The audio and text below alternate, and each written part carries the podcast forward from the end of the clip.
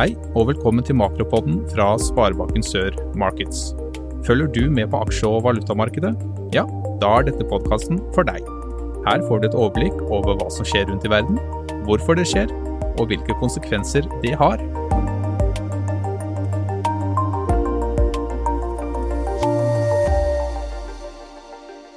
Da sier vi vel møtt til en ny makropod fra Sparebanken Sør Markets.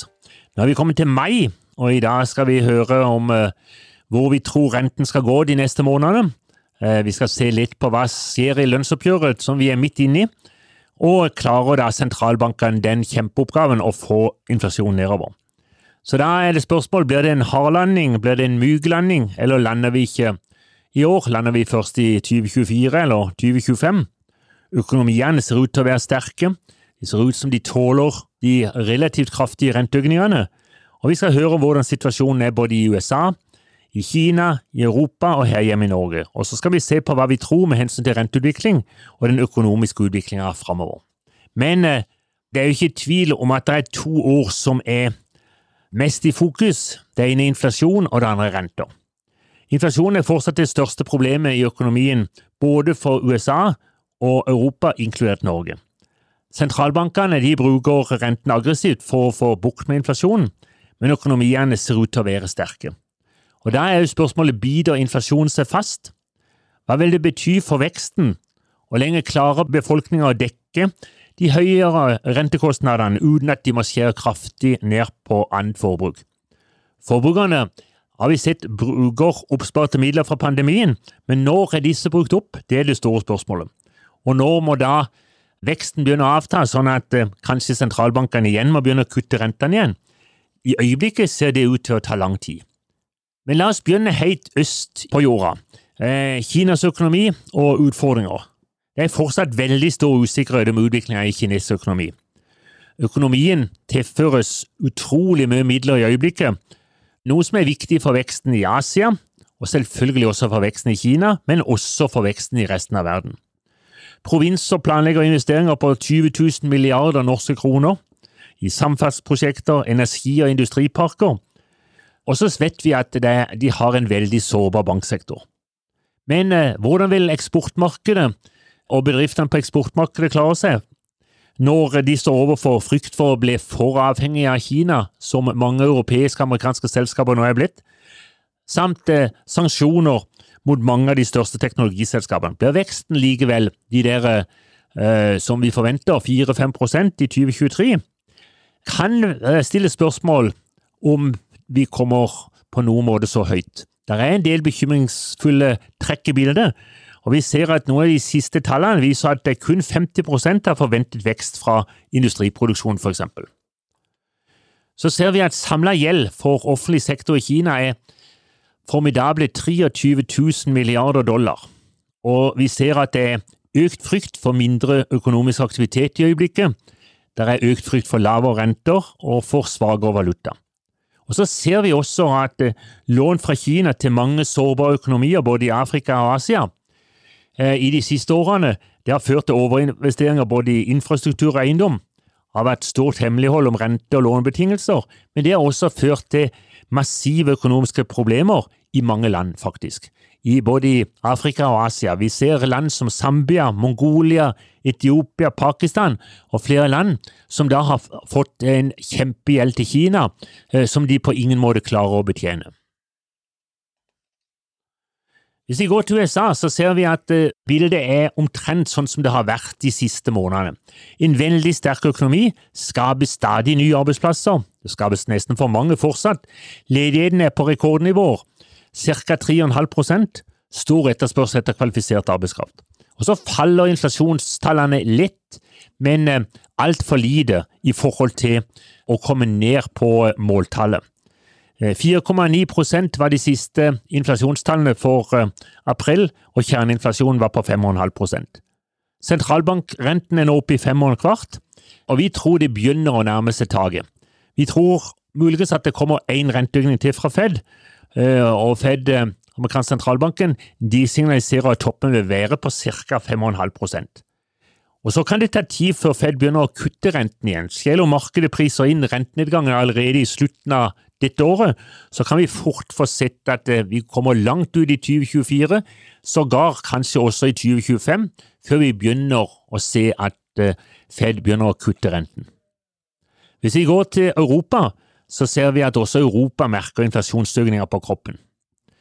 De ble jo redda, Europa, av en mild vinter som gjorde at gassprisene ikke fløy i taket. Og nå er det god vekst i BNP i Tyskland. Arbeidsledigheten er fortsatt lav, eh, og det betyr at eh, risikoen for eh, resesjon i Europa den er blitt betydelig lavere. Men inflasjonen er gjenstridig. Inflasjonen faller stadig litt, men ligger på 7% for april. Kjerneinflasjonen ligger på 5,6% så det er langt ned til de 2% som vi skal ned på. ECB satte opp renten ytterligere med en kvarting nå i mai. og Det betyr at eh, sentralbankrenten er oppe på 3,75, og altså dermed høyere enn i Norge. Og Så venter vi fortsatt en kvarting både i juni og august, sånn at eh, vi ser at ECB fortsatt opprettholder seg som den mest aggressive sentralbanken i forhold til de store renteøkningene. Går vi da hjem til Norge, så ser vi at arbeidsledigheten er fortsatt veldig lav, ned på 1,7% altså veldig stramt.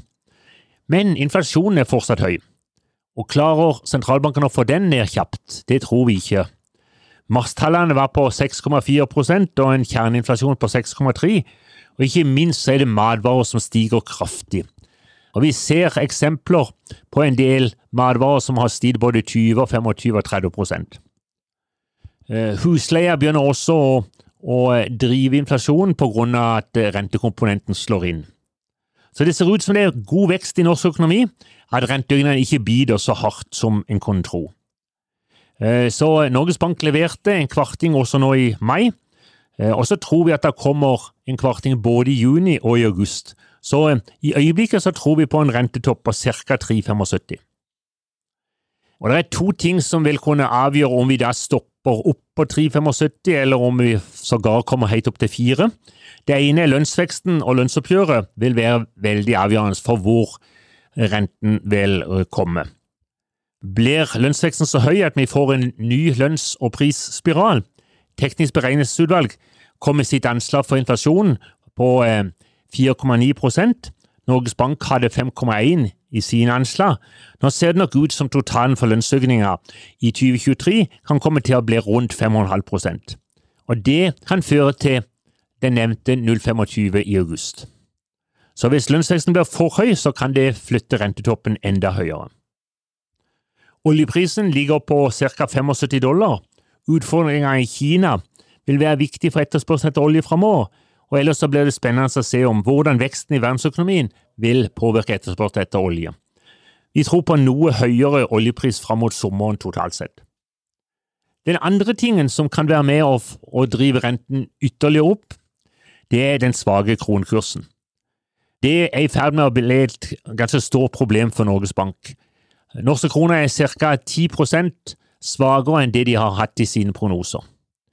Det at eh, Norges Bank selger norske kroner og kjøper utenlandsk valuta pga. de store handelsoverskuddene de siste månedene, det er også med på å svekke norske kroner. Svak norsk krone gir ekstra prisstigningsimpulser, og eh, det er med på å trekke rentebanen oppover. De lange rentene har også kommet opp en del etter at de falt ganske kraftig i forbindelse med bankuroen. Nå er igjen eh, inflasjonskampen i fokus, og Femårssikring er nå oppe på 360, tiårssikring rett under 350, og tremåneders Nibor nå på 382. Eh, så tror vi fortsatt på at likviditeten blir strammere etter hvert, og at tremåneders Nibor vil trekke seg gradvis oppover. Også det i takt med renteøkninger fra Norges Bank. Så muligens så topper vi på mellom 4,25 og 4,40 ved slutten av 2023. Så her hjemme så forventer vi altså to, og kanskje tre i verste fall, renteøkninger i 2023, og tror fortsatt at toppen skal være på ca. 3,75, men skal ikke helt utelukke fire blank heller. Blir lønnsoppgjøret for høyt, samtidig med at norske kroner er svak, så kan det bety ytterligere én renteøkning på slutten av 2023, som da gjør at vi, er, vi ser firetallet. Så hvordan renteøkninger biter fra seg økonomien, både med hensyn til hvordan arbeidsmarkedet blir, hvor høy lønnsveksten blir, hvordan forbruket utvikler seg, og hvordan inflasjonen utvikler seg de neste månedene, vil være avgjørende for hvordan Norges Bank eh, vil måtte agere både i andre halvår 2023 og utover i første halvår 2024. Foreløpig har vi sett få tegn til at renteøkningen har gitt den ønskede innstrammingseffekten, men eh, vi er spente på når dette vil inntreffe. Det var alt vi hadde fra, eh, på Makropodden i denne omgang. I dagens makropod så hørte vi om at eh, fortsatt så er det inflasjon og renter som rir de fleste markedene. Inflasjonen kommer nedover, men fortsatt er det langt igjen til det nivået som tilsvarer mandatet for sentralbankene, nemlig 2 Så spørsmålet er blir det en hard, en myk landing, eller lander vi ikke i det hele tatt før i 2024? Vi hørte også i dagens makrobåt om hvordan situasjonen er både i USA, Kina, Europa og her hjemme i Norge. Og så så vi på hva vi tror med hensyn til renteutviklinga og den økonomiske utviklinga framover.